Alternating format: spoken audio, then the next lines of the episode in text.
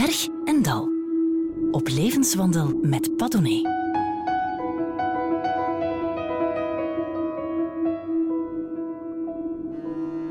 Op de kop af, 30 jaar geleden ging auteur Margriet de Moor in haar huis naar boven naar een ongebruikte kamer vol rotzooi. Ze nam plaats op een scheve stoel aan een oude ronde tafel met een pen en wat A4'tjes. Even zitten om te kijken of ze een verhaal kon schrijven en daar is ze sindsdien niet meer mee opgehouden. Tot haar verbijstering is schrijver een openbaar beroep. Dat geklets, zegt ze, staat volkomen los van het eigenlijke werk. Een uur kwellen we haar en daarna mag ze terug naar haar schrijftafel. Dag Margriete Moor. Zit u op een berg Dag, of zit u in een dal? Ehm, ik denk eerder in een dal. Oh, hoezo? Daar zit je beschutter. Meer privé. Meer, meer, minder zichtbaar. Intiemer. Want de openbaarheid, die schuw je. Ik geef er niks om als schrijfster. Ik geef er niks om. Ik doe het heel erg gemakkelijk. Ik ben nooit bang voor publieke optredens. Eh, dat heeft denk ik te maken met eh, dat ik een enorme, eh, enorme reserve had toen ik nog muzikus was, zangeres. En dat was ongeveer eh, doodsangst wat ik dan had voor het podium. Dat was niet alleen gewone podiumvrees die elke beginnende muzikus heeft, maar ik was bang voor wat ik toen in mijn hart noemde het duizendkoppig monster. Het publiek. Het publiek. Kan dat zo monsterachtig zijn? Toen, toen, toen voelde ik dat het niks voor mij was. Afgezien van de plankenkoorts voelde ik dat ik die confrontatie niet prettig vond. En toen dacht ik wel eens, eh, mijn man eh, was schilder, hè, hebben de mooi, beeldhouwer en schilder. En toen, ik kende dat heel goed, eh, zijn confrontatie met zijn werk in de intimiteit van het atelier, hij en het kunstwerk. En toen dacht ik al wel eens, wat is dat prettiger? Ja, maar die moeten ook naar buiten komen, hè? Jawel, maar terwijl het werk eh, aan de hand is, is, ben je volkomen privé. En als schrijfster eh, eh, vind ik dat ook heerlijk. Ik ga nooit met tegenzin aan die tafel zitten. Eh, eh, wel, een, een coquetterie van de schrijvers vind ik dat ze het wel eens hebben over writersblok. Ik denk, joh, dan neem je toch gewoon een nieuw A4'tje en begin je aan wat anders. Ja. Zoals een schilder, hè? Een, een, een doek is niet naar zijn smaak. Hij maakt een nieuwe imprimituur. Hoe vaak heb ik dat niet gezien? En dan zie je meteen die omtrekkende beweging. Ik beweeg nu met mijn arm van de compositie. En hup, opnieuw aan het werk. Je was in de wieg gelegd eh, als muzikus. Je verwees er al even naar. Studeerde in Den Haag in het conservatorium eh, piano en zang. Ja? Dat heb je heel lang gedaan. Ja, dat kon toen. Je kon blijven zolang je wou. Veel van ons eh, vervolgden dat zelfs, vervolgden dat zelfs met een docentschap aan het conservatorium. Ah ja. ja. Ja. Maar je wou eigenlijk muzikus worden. Nou ja, ik hield van de muziek en ik hield van het onderricht op het conservatorium. Ik heb dan ook eerst een, onderricht, een, een onderwijsdiploma acte gehaald voor de piano. Hè. Dus ik ben ook een tijdje pianolerares geweest. Ben je een goede pianiste? Nou, nee, nee. Ik speel nog steeds eh, heel veel hoor, daar niet van. Maar ik ben geen goede pianiste. Toen ben ik overgestapt naar zang, daar lag meer talent voor mij. Ah, ja. Ja, Sopraan? ja hoge sopraan, strak sopraan. Dat hoor je wel, hè? Ja, ik weet niet, nu heb ik, ik mijn, mijn spreekstem is laag. Is lager geworden, maar je hoort toch de, de sopraan er Ja, tussendoor. Ja. En die was toen op het conservatorium in Den Haag, was een heel avant-gardistisch conservatorium. Ik heb het over de vroege jaren zestig. En eh, mijn stem was erg geschikt voor avant-garde muziek, moderne muziek, instrumentaal zingen. Zo'n muziek waar mensen van weg gaan lopen. Ja, piepknormuziek. ik heb dus ook eindexamen gedaan. Vreselijk. Ja, heel- Vreselijk. nou, ik heb eindexamen gedaan met Boulez. Ja. En ik vind hem ook een, eh, geen componist waar ik nu nog naar zou. eh, Ja. eh, maar die improvisation sur Mallarmé, dat is voor hoogsopraan met slagwerkorkest, die zijn mooi. Ja, die, heeft- die hebben iets heel eh, dynamisch. eh, ja, dat, die, zijn, die zijn lyrisch. Ja, die dat zijn is ook echt waar. mooi. 45 ben je als je begint te schrijven. Ja, Dat is rijkelijk laat. hartstikke laat, ja. Is het echt zoals ik het eh, bij het begin heb Totaal, beschreven? totaal, Kamertje, ja. hop, naar omhoog Helemaal, lopen. helemaal naar waarheid. En dan ineens... Oh, zullen we even een A4'tje nemen en, Ja. en wat beginnen schrijven? Ja, heel nuchter, want ik moet eraan toegeven en bekennen dat ik daar inderdaad zat en nog niet wist waar het over moest gaan. Maar wel wist dat ik tien pagina's wilde schrijven in een week. Dus nog, nog raarder eigenlijk. En waarom wou je dat toen ineens? Ik had daar zin in om dat te doen. Ja, maar je bent 45, je hebt nog nooit eerder geschreven, bij manier van spreken. En ineens heb je het Ja. in je hoofd. Nou, ik had heel veel energie toen. Samen met mijn man eh, deed ik toen een soort van bijeenkomst op zondagmiddag voor publiek en beeldende kunstenaars.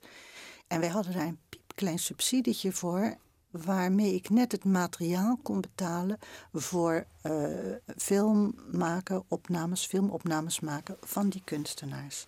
En toen dat stopte, had ik juist inderdaad, eh, Heb en ik hadden allebei juist in ons hoofd om het uit te breiden tot dichters ook. Niet alleen beeldend kunstenaars, maar ook dichters. Dus ik had heel veel energie. En dan ineens, bonk, valt de bijl. En met die energie ging ik aan die tafel zitten. Dat is inmiddels 30 jaar geleden. Ja, En tussen die, eh, dat debuut op de rug gezien en je laatste roman, we gaan het er zo dadelijk over hebben, van Vogels en eh Mens zeker, ja hoor, dat klopt. ligt 30 jaar, maar liggen ook 24 vertalingen. Ja, heel veel vertalingen. Hoewel dat nu dus moeilijker is. eh, de buitenlandse uitgeverijen die zijn ook allemaal aan het eh, zuiniger doen. Dus ik heb eigenlijk als buitenlandse uitgevers nu alleen nog maar vooral de Duitsers... die mij zeer, zeer trouw zijn. De grande dame der Nederlandische literatuur wordt ze daar genoemd. Hè? Ja, ja. Maar ik was in Frankfurt op de boegmesse eh, een paar maanden geleden en inderdaad, Margit de Moor kennen ze daar wel. ja dat is absoluut zo. Ga je daarvan naast je schoenen lopen? Nee. Een beetje, eh, toch? Nee, ik ben er wat. eh, enerzijds ben ik er verbaasd over. Verbluft was ik in het begin vooral. En ik ben er ook wel ontroerd over, omdat, er, omdat ze heel, heel trouw zijn. Heel serieus met het werk omgaan. In alle kranten wordt het besproken.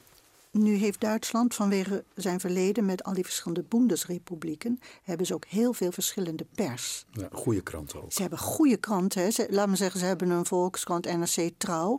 Overal, hè. dat hebben ze in Hamburg, Hamburg, maar ook in München en ook in Schleswig-Holstein. Dus ze hebben dat overal.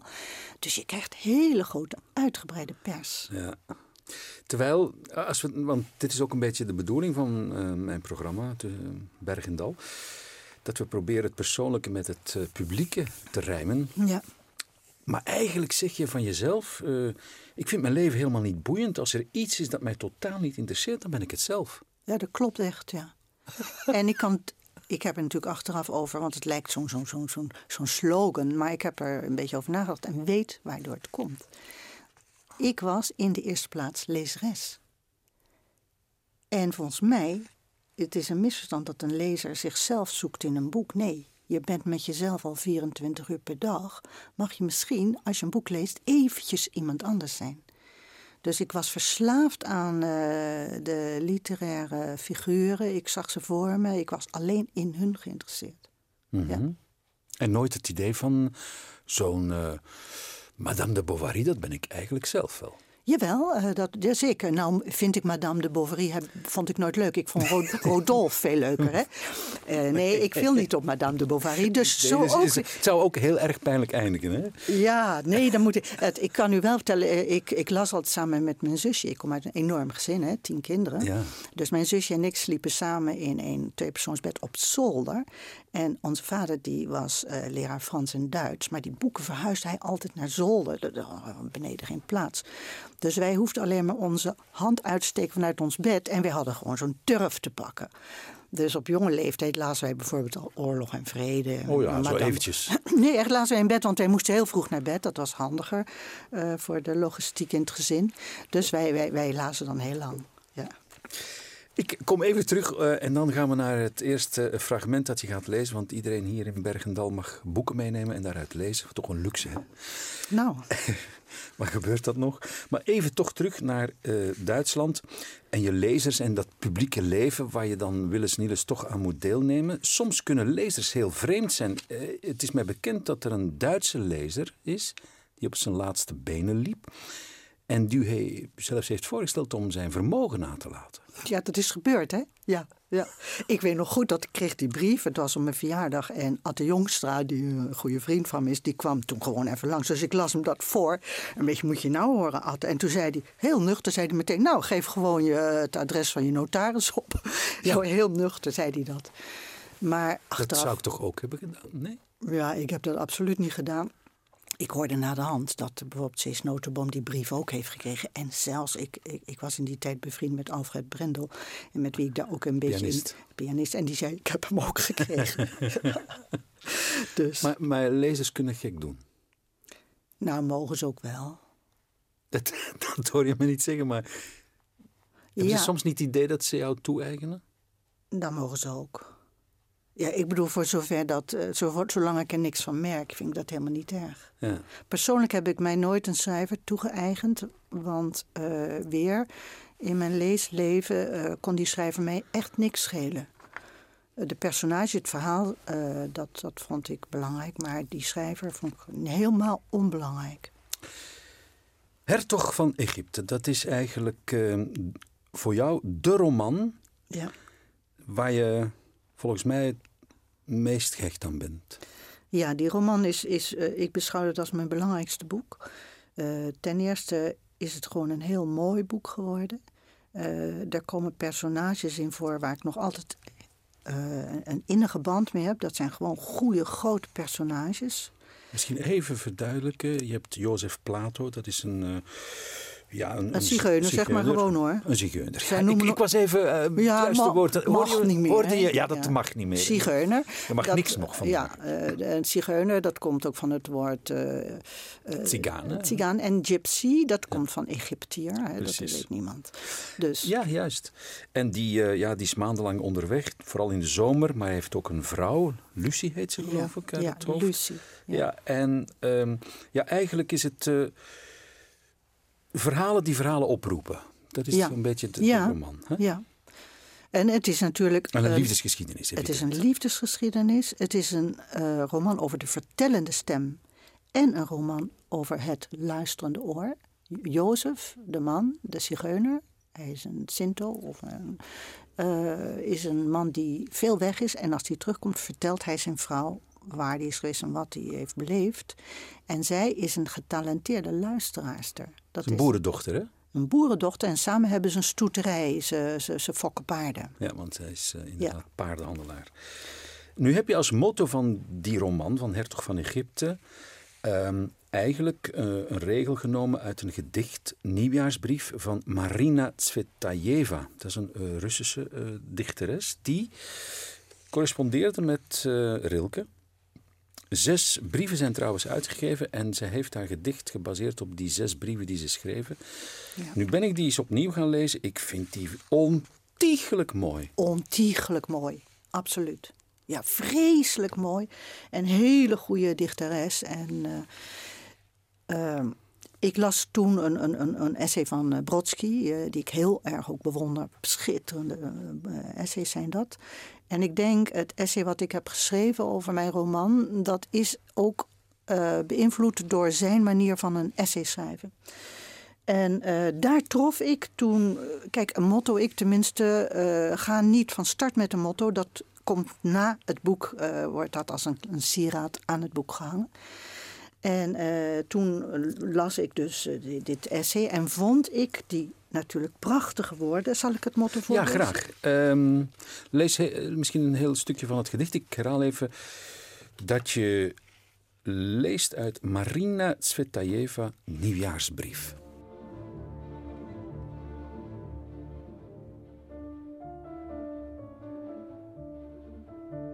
En hoe ging de reis? Hoe ging het met het hart dat scheurde en niet brak? Was het als met dravers van Orlof? Niet minder snel, zei je, dan adelaars. Adembenemend, of meer nog, zaliger? Ik deed niets, maar er werd iets gedaan dat het doen kan zonder schaduw en echo. En hoe ging de reis? Nieuwjaarsbrief, een gedicht van eh Tsvetajeva. Eigenlijk dat ze schreef voor eh, Rilke. in de naam Rilke zei ze Reiner, hè, want hij heet Reiner Rilke, hoorde ze het Russisch voor paradijs, Rai. En dat is hem ook wel voor haar. Ja. Ik vind dat die brieven ook in het gedicht ontzettend, ehm, hoe moet je dat noemen, ongegeneerd zijn. Ja. Ik, ik, ik, Ja. ik, ik citeer even, eh, ze zegt hem ook gewoon eh dood eenvoudig, je moet naar mij komen, ik heb ontzettende zin in jou, ik wil met je, met, met je vrijen. Boulevard de Crancy, 3, daar vind je me. Kort haar heb ik, we hebben elkaar nog niet ontmoet. Hè? Ja. Net als nu, heb mijn leven lang geen haar gedragen. En op een jongen lijk ik, een Egyptische knaap, een rozenkrans om mijn nek. ja, het is gewoon een soort contactadvertentie. Ja, Tekst van een contactadvertentie. ja zo is het eigenlijk. Prachtig. Ik wil dat je naar me toe komt. Ja. Ik wil je hartstochtelijk beminnen. Ja. En hij blijft toch altijd een beetje gereserveerd. Ja, ik eh, ben, eh, heb me voor zeker voor dit boek niet ge- gedompeld in Mhm. een studie over haar hoor. Maar het gekke is dat zij hem eh, schrijft ook, hij is stervende op dat ogenblik, Ja. is heel jong gestorven. Ja. En als hij is gestorven, schrijft ze hem postuum nog een brief. Hè? Zij, zij, zij schrijft ook dat het niet veel uitmaakt dat hij dood is. En dat vind ik ook heel weer mooi hard gezegd. Dat kunnen die Russen natuurlijk sowieso. Eh, en ik begreep het ook. Eh, hij blijft eh, aanwezig door zijn gedichten. Waarbij ik dan nu een beetje associatief aanknoop met toch ook een opmerking uit mijn essay over de roman Hertog van Egypte. Dat de literatuur, of misschien is het uit een ander essay, de literatuur eigenlijk zich niet veel te maken heeft met de dood. De literatuur heeft niks met de dood. Eh, het interessante is het namelijk dat dat wat in een boek gebeurt, blijft gebeuren. Je hoeft het boek alleen maar weer open te slaan. Wat je doet natuurlijk met je belangrijke romans, je belangrijke boeken. En daar zijn de omstandigheden, daar zijn ze weer. Ik wil even citeren uit eh, een brief van uh, Tsvetajeva aan Rilke. En zij kan dus de dood niet accepteren. Ze schrijft: Leven is er niet, dood is er niet. Er is een derde iets, iets nieuws. Ja, Wat met, ze, kunnen? ja, wat ze precies zou bedoelen met iets nieuws, weet ik niet. Ze zal wel iets concreets bedoelen. Hmm. Dat we elkaar misschien terugzien in. Misschien zou het dat kunnen zijn, het religieuze. Ja, dat zou kunnen. Heb jij daar affiniteit mee, Margriete Moor? Ik ben katholiek opgevoed, hè. Ik ben, kom uit een grote katholieke familie. Ja, maar zijn we dat allemaal niet? Of protestants opgevoed? Maar... Ja, precies. Maar- Nou, mijn generatie dan. Ja, de goed, generatie van nu heeft dat niet Nee, meer. dat is waar. En ik zie het eh, beslist niet als iets. eh, er komt bij dat ik dus niet in opstand ben gekomen tegen. tegen ik, heb, ik heb geen, geen akelige ervaringen ermee met dat katholiek. Ik heb nu net het boek van Jeroen Brouwers gelezen. Ja. Oh, nou, dan zie je. eh, ik moet zeggen, daar zit toch wel veel in wat ik alleen maar kon. Je bent niet misbruikt of zo erin? Nee, nee, nee, natuurlijk niet. Niet door meneer Pastoor. Nee. Maar eh, de dood bedoel ik. Is In dat de iets dood. Mm. Wat je, eh, mee Nou ja, kijk, eh, eh, dit boek is opgedragen aan mijn gestorven man, hè, hertog Ja, van Egypte. Juist, eh, juist. hij is de. En weer, Hij was een kunstenaar. hij was een beeldend kunstenaar, jong gestorven, hè, op zijn 52ste. Aan een Heeft, ziekte? eh, ja, kanker.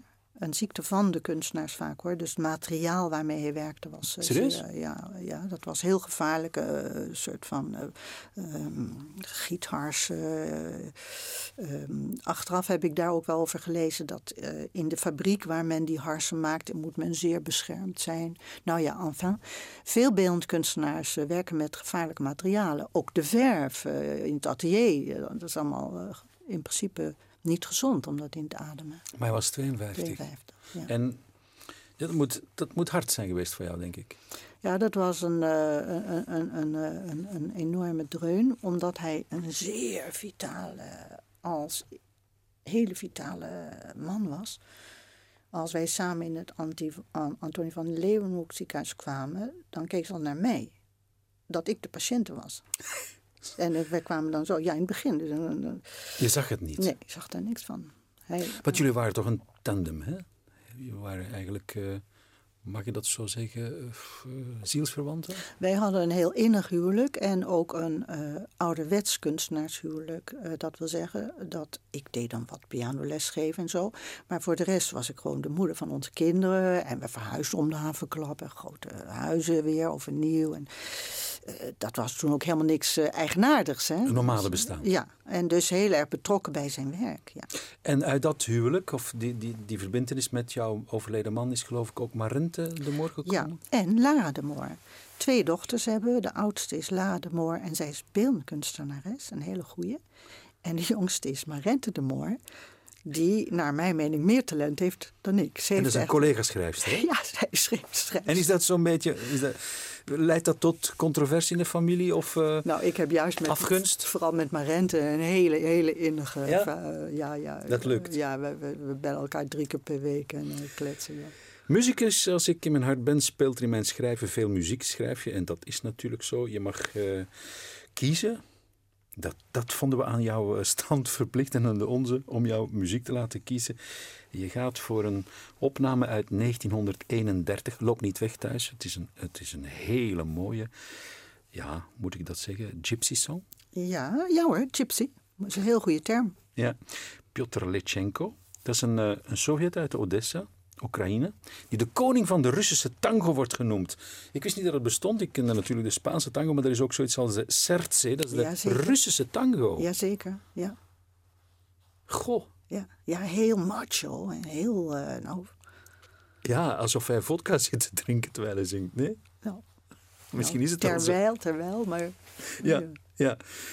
We gaan luisteren en het heet eh, Marfusha.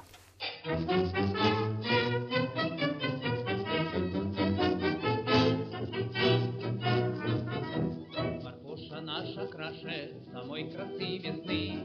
Ее в деревне нашей все парни влюблены, на холодно к ним. Одна Марфуша не влюблена и не горюет у окна. Марфуша наша веселье всех, и целый день звенит Марфушин смех. Марфуша чернока, Марфуша краснощека, и не любить Марфушу грех. Как березочка стройна, И за работою весеняна. Марфуша все хлопочет, Марфуша замуж хочет, И будет верная она жена.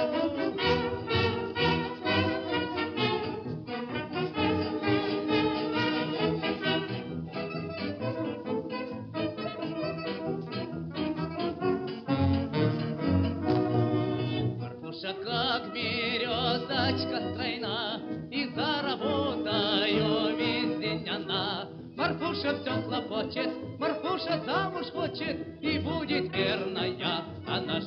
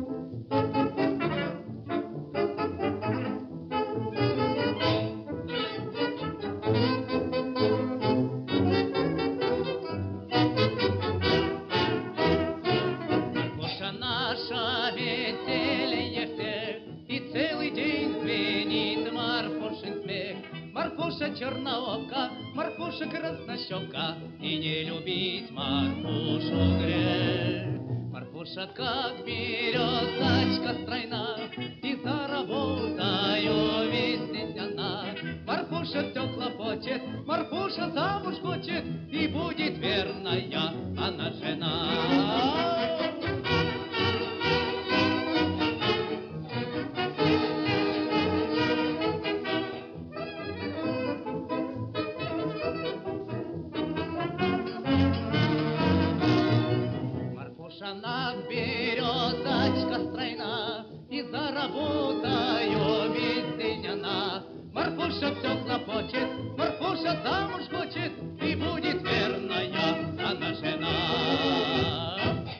Hopsa, Piotr Lechenko, Marfusha. Wat een geweldige zanger is dit. eh, Ja, schitterend. En een heel goed orkest ook. Bij mij zit Margriete Moor. Zij is auteur eh, op de kop af 30 jaar. Alle kunstenaars zijn nomaden, schrijf je, Margriet. Zelf heb ik ervaren, voor de tijd van het boek woon je in het boek. Ja, dat is echt waar. Ja. En Je hebt dus op zoveel plekken gewoond als je een boek hebt geschreven. Precies, dat is zo. Ja. Hoe moet ik me dat voorstellen? Nou, eh, dan hebben we dus, kunnen we de twee grote grootheden noemen, tijd en plaats. Nou, mijn plaats is dus gewoon aan dat bureau. En de tijd is gewoon ook, eh, die heeft geen, geen, eh, geen, geen, ehm, geen gezag. Ik ga dan s'morgens aan, aan mijn tafel zitten. Ik heb geen bureau, gewoon een tafel. En dan duurt de ochtend rustig tot drie uur. Dan merk ik helemaal niet dat, dat de tijd vergaat. en dat is natuurlijk niet pennen en pennen en pennen. Maar je woont dan letterlijk in, dat in dat verhaal in... Dat is, dat is, dat is mijn habitat. Ja, ja precies. Ja. Je nieuwe roman van Vogels en Mensen is geïnspireerd op het eh, verhaal van een bekende gerechtelijke dwaling in Nederland. Een van de vele, moet ik inmiddels zeggen. Een bejaarde verzorgster uit Delft wordt beschuldigd van moord op een cliënt van haar 89-jarige dame. Ze heeft eh, onder druk eh, de moord bekend. Eh, rechercheurs die dus eh, haar ertoe hebben ja, gebracht. Ze bleek onschuldig. Bij jou staat Louise Bergman centraal. En haar slachtoffer is een 90-jarige eh, katwijker Bruno. Nu, het fascinerende van die roman vind ik, behalve de tijdsverlopen en zo, en daar moeten we niet over uitweiden, want de mensen die het niet hebben gelezen verliezen zich daar dan maar in. Maar dat is dat je eigenlijk mensen opvoert. Louise, die dus onterecht wordt beschuldigd van moord. Bruno, integere, lieve, ingetogen mensen. Ja. En als je leest, bekruipt je dan het gevoel... Shit, eh, dat kan toch niet waar zijn? Waarom moeten die dat allemaal doorstaan? Ja. ja, ze doorstaan het, het gebeurt. En het wat je zegt, het is eh, een collage van dingen die me, van, van gevallen, werkelijke gevallen, eh, die mij natuurlijk eh, hebben geïntrigeerd. En daarin zijn deze personages naar voren gekomen. Maar er zijn andere personages die voor mij ook heel belangrijk waren. En dat is natuurlijk de werkelijke moordenaar. Ah, dus in dit geval een moordenares. En dan de mensen die om deze, om deze misdaad leven. Waardoor het een, voor mijn gevoel een soort familieroman geworden is. Want dat vergeet men wel eens, eh, eh, denk ik, eh, bij boeken waarin geweld voorkomt. Dat het geweld speelt zich niet alleen af tussen de twee hoofdfiguren. Maar ze zijn altijd omgeven door anderen. Ja, in dit geval een dochter, De dochter. Ja, die is Marilina, belangrijk. die Marilina. op vergelding uit is omdat haar moeder onterecht wordt beschuldigd van moord. En dan maar zelf op zoek gaat naar en ook een moord begaat. Jawel, en dat doet ze eh, met hart en ziel. En zij is vanaf haar achtste eigenlijk daar al mee bezig. Ja, op die vergelding, op die op vraag. die vergelding, want ze heeft haar moeder zien wegvoeren. En zij is, heeft toen een kreet geuit. Dan zie ik eigenlijk gewoon een schilderij voor me, hè, de schreeuw. Hè. Dan maar zie ik in dit geval een klein meisje die dat doet. En die schreeuw komt terecht in haar hart. Maar zij blijft het schepseltje en naderhand een volwassen vrouw... die van nature eigenlijk helemaal niet eh, akelig is. Juist heel sympathiek iemand. Die blijft ze ook. Maar die wraakzucht, die schreeuw, daarmee groeit ze op. En ze ver- volvoert die daad van harte. De essentie van jouw roman is volgens mij... hoe is het mogelijk dat iemand een moord bekent zonder die te hebben begaan? Ik begrijp dat inmiddels. Leg het uit. Ik probeer het ook in mijn roman te beschrijven. Eh, zij, Louise, wordt op bepaald in een eh, cel gestopt en wordt daar dus geïsoleerd. Voor haar gevoel zit ze daar dan al eindeloos. In de werkelijkheid is het een week. Maar in die week ziet ze alleen haar twee ondervragers die haar de details inprenten van wat zij gedaan heeft. Zo gezegd gedaan heeft. Ja, maar ik schrijf nu even Ja, ja. vanuit haar. Hè? Ja. En eh, in een bepaalde nacht, ze kan natuurlijk bijna nooit slapen, ze kan niet eten, eh, ze is uitgeput. Dus dan beginnen die feiten, en daarbij moet ik eigenlijk meteen zeggen, zij is een vrouw die leest. Dat ben ik zelf ook, dus ik begrijp dat heel goed. Hè? Dus wat haar nu als feiten wordt ingeprent, ziet ze voor zich. Die nacht ziet zij zichzelf die moord precies uitvoeren. Die haar wordt aangepraat. Ja, maar zij ziet dat ze dat doet. Zij ziet dus, ik heb dat inderdaad gedaan. Want ze ziet het ook voor zich. Zij doet dat in die nacht. Dus morgens. En die, onder twee, die twee ondervraagers hebben haar ook al gezegd: beken nou, dan mag je je man weer zien. Die ochtend bekent ze. En dat fragment ga je nu lezen uit eh, jouw roman van vogels en mensen.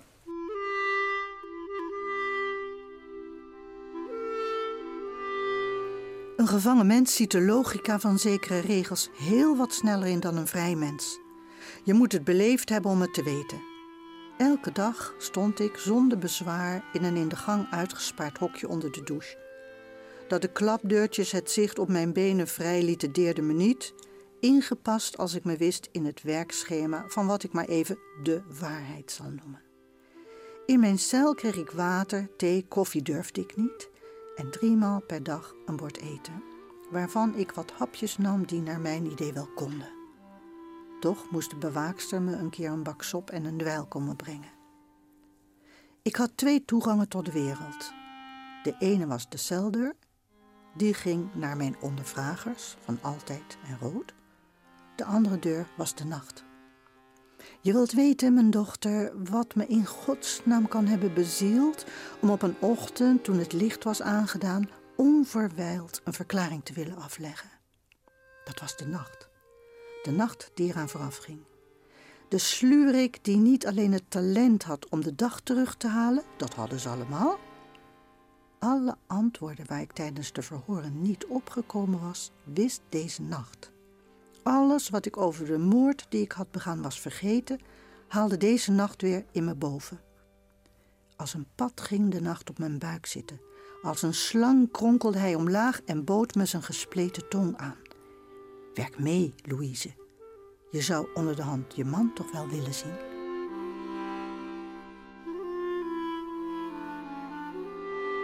Margriete Moor las voor uit haar eigen roman, laatste roman van Vogels en Mensen. Eerst grijs, dan wit, dan blauw. Dat is misschien wel je bekendste roman, Margriete Moor. En daar heb je als motto: Ik uh, fühle Luft van andere planeten. Dat komt ons bekend voor. Ja? Ja, hoezo? Is toch muziek? Ja, ja, ja. Het, is, uh, het komt uit het strijkkwartet in Vies-Klein van Schönberg. En in het laatste deel van het strijkkwartet is een hele mooie sopraansolo. Mm -hmm. En ja, Schönberg, um, ja, ik fühle Luft van andere planeten, zingt zij, de sopraan. We gaan ze zo dadelijk trouwens horen, Moika Erdmann. Wir blassen durch das Dunkel die Gesichter, die freundlich eben noch sich zu mir drehten. Ik voel lucht van andere planeten. Doorheen het duister zie ik vaaglijke gezichten die zich nu liefdevol zelfs naar mij keren. Het is, uh, het is mooi, hè? Ja, het is een gedicht van Stefan Georg. Ja. En uh, weer hoor, dit, uh, nadat het boek voltooid was en ik bladerde zo en dacht een beetje na. En toen herinnerde ik me deze mooie sopraansolo. Maar de woorden uh, zijn natuurlijk, die passen bij het boek. En vooral, er komt een autistische jongeman in voor. Een hele lieve schat, erg leuke jongen. En die kijkt altijd naar de sterren. Die heeft een, ster een stereoscoop en die, die, die leeft daarmee. En uh, dat slaat natuurlijk volledig gewoon concreet op deze jongen. Maar het slaat ook op eh, het geheel, eh, eigenlijk voor ieder van ons, dat wij eh, leven natuurlijk in een heel concrete werkelijkheid, maar tegelijkertijd voelen wij ook wel de lucht van andere planeten.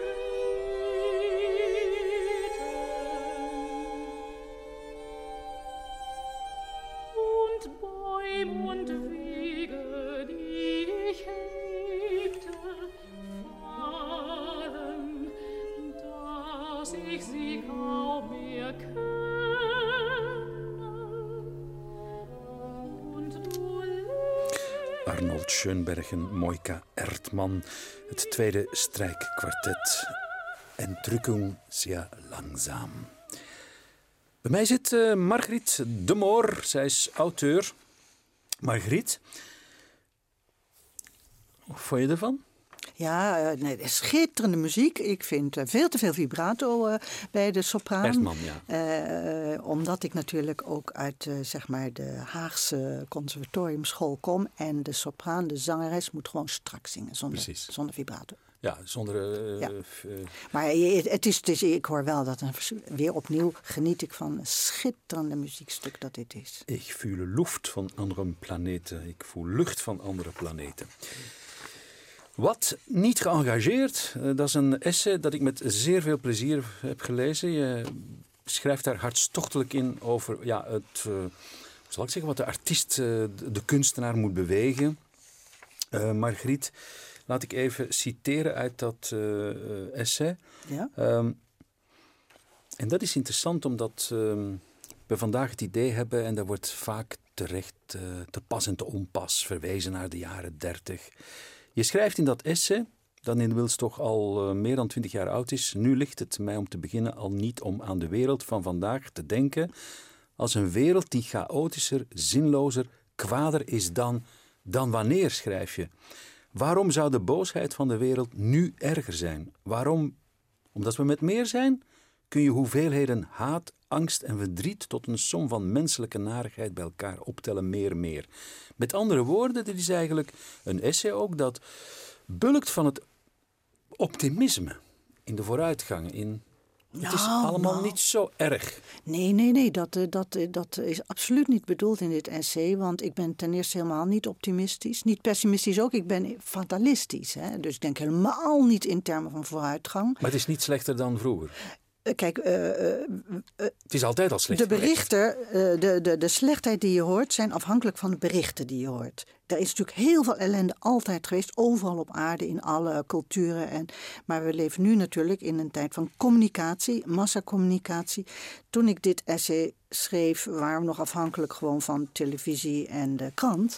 Nu is dat inmiddels uitgebreid tot een totaal globale wereld waarin de berichtgeving globaal binnenkomt. Dus elke ellende wordt niet alleen uitgefileerd. En, ik bedoel, kan je nou nog eh, sinds Trump er is, je wordt echt wel zat. Hè? Heel onvreselijk, allemaal Trump. Eh, Hysterie en hyperbole. vind ik wel.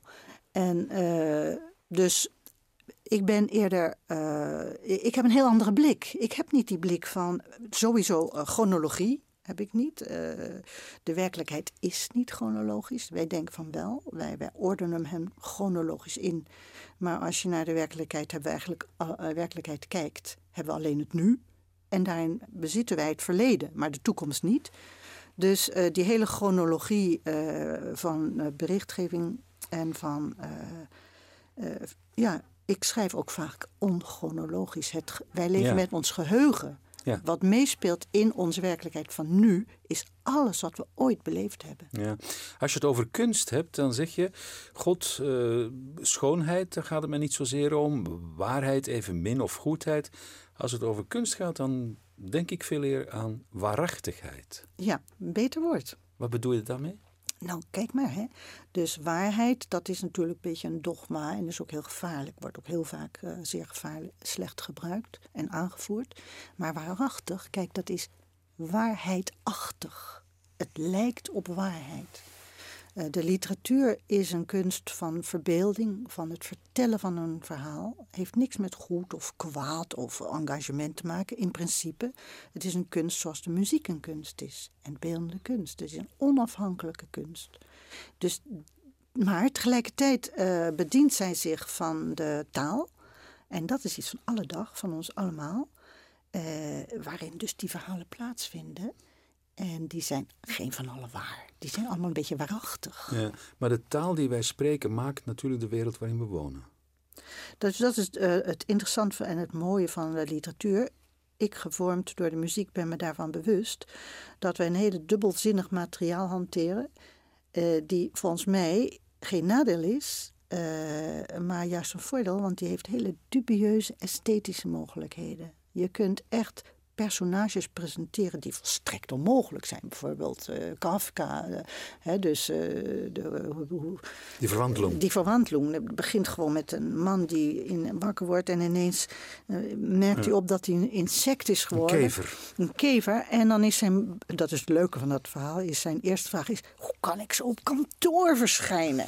Kijk, als je dat goed schrijft, dat hij doet, dan neem je dat als lezer dus voorkomen. Kijk, dus dat noem ik waarachtig. Ja, ja. Dat is heel mooi. In datzelfde essay schrijf je aan treurige ordelijkheden helaas geen gebrek. En je noemt er een paar voor de vuist weg. Nationalisme, communisme, racisme, fundamentalisme.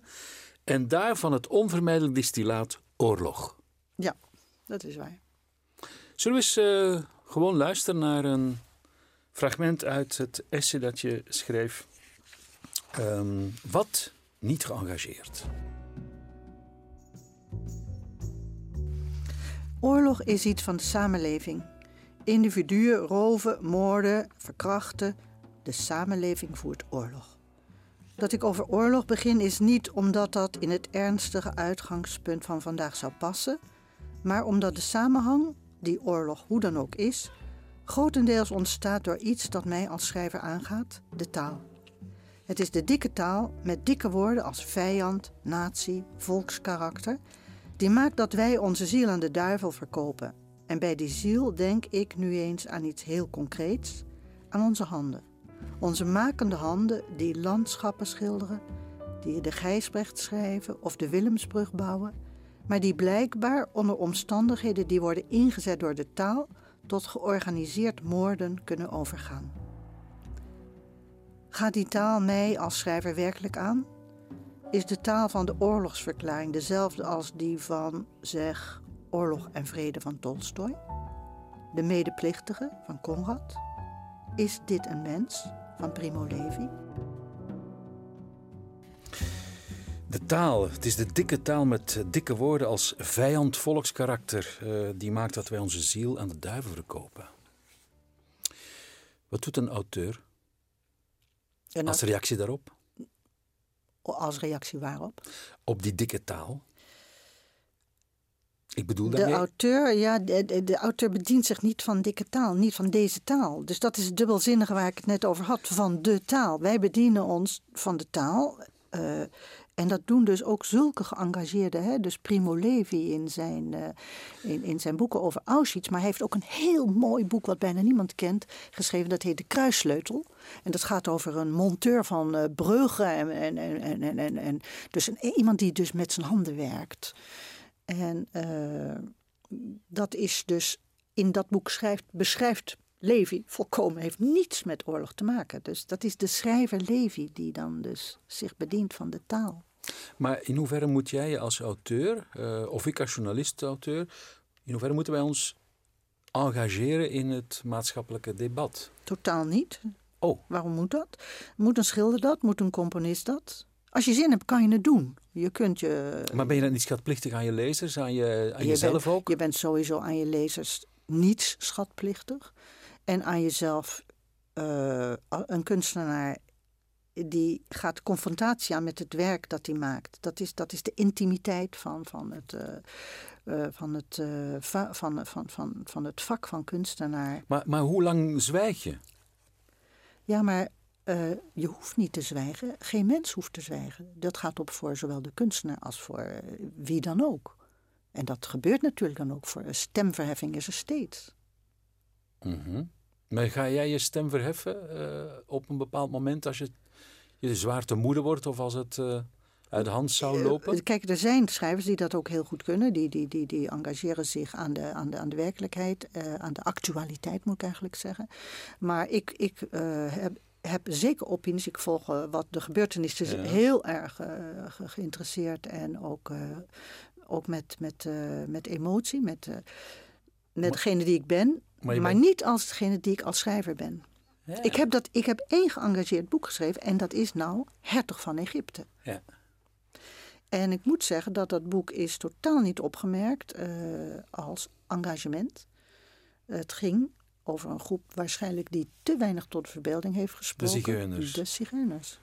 En dan zie je toch weer hoe uh, er zit een zekere wat moet ik zeggen, hypocriet is niet het woord, maar gemakzucht ook in. Uh, waar of onverschilligheid gewoon. Ja, of ook uh, het niet opmerken of ook niet geïnteresseerd zijn. het, het grote nieuws, de grote bewegingen kunnen natuurlijk aanstekelijk zijn, maar iets wat eigenlijk verborgen is, en dat was toen in mijn geval deze roman. Ik ontmoette dan toen in die tijd toevallig een zigeuner. Heel grappig, leuke anekdote, kleine anekdote. Vertel. Nou, ik ging naar de notaris uh, in verband met het testament van mijn man. Het is in die tijd, uh, het boek kwam in mijn ja, man was overleden. Mijn man was juist overleden. En ik kwam in, we reden toen nog grote Amerikaan, een Buick of zo. En ik kwam op een heel ongelukkig moment uh, stil te staan. Met een lekker band en alles. Getoeter erachter en uh, kwaaiigheid. En toen kwam er helemaal van achter kwam er een man naar mij toe. En die wel in zo'n makkelijk klein moment voor mij even dat wiel verwisselde. En daarna gaf hij een hand. Ik had al meteen gezien, dat is een zigeuner. Uh, snor, veel goud en bovendien heel hoffelijk. Hij sprak volmaakt Nederlands. Was gewoon een Nederlandse Nederlander was het.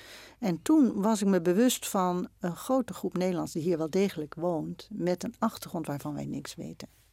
Twee weken geleden waren ze nog uh, te gast uh, bij onze Clara in de Single. Dat is zo'n beetje ons jaarlijks feestje. De Klasmatics, een Jiddische band uit uh, New York. Je zou kunnen zeggen een beetje een Jiddisch zigeunerband. Ja. Die naakt Dark is the Night.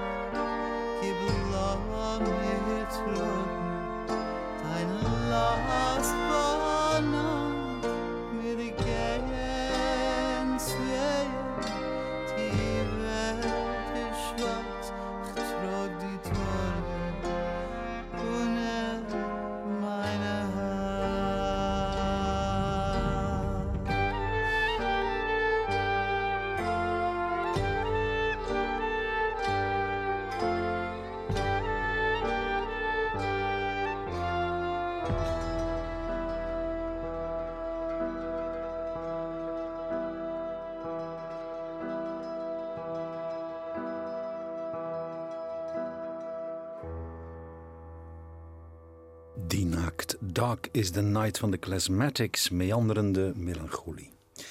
Margriet Moor, auteur. Wat is jouw credo? Credo vind ik een veel te groot woord, maar uh, als ik daar iets op moet zeggen, dan is dat het intieme dagelijks leven. Dat is waar ik van hou. En dat is wat ik het meest hoog schat wat er is. Maar intiem? Intiem, dus dat is leven met de mensen van wie je houdt. Mm -hmm. En dat doe je nu? Doe ik, ja. In Frankrijk? In Frankrijk en in Nederland. Ja. Want ik heb natuurlijk ook een hele grote familie. Ja, ja, ik, heb veel, ik heb veel mensen om me heen van wie ik hou. Al die zussen en broers, zijn er nog zijn eigen kinderen? Ja, mijn eigen kinderen, mijn zussen, mijn broers, mijn geliefden en mijn ge enkele geliefde vrienden. Maar het intieme, dagelijkse kleine leven, dus het, het, het is misschien wel ook heel Hollands. Ja. Of heel noordelijk. Misschien is het ook wel Vlaams. Je ziet het ook in onze schilderijen, onze kunst. Wat dan soms verkeerd wordt voorgesteld als kneuterig. Als, uh... Nou, van mijn part heb ik ook niks op tegen. Begrijp je wat ik bedoel? Ik ben helemaal niet bang voor dat soort woorden. Ja, klopt wel. Ja, vind ik ook allemaal onzin om dat uh, erg te vinden. Dan is het maar kneuterig. En, zo so wat.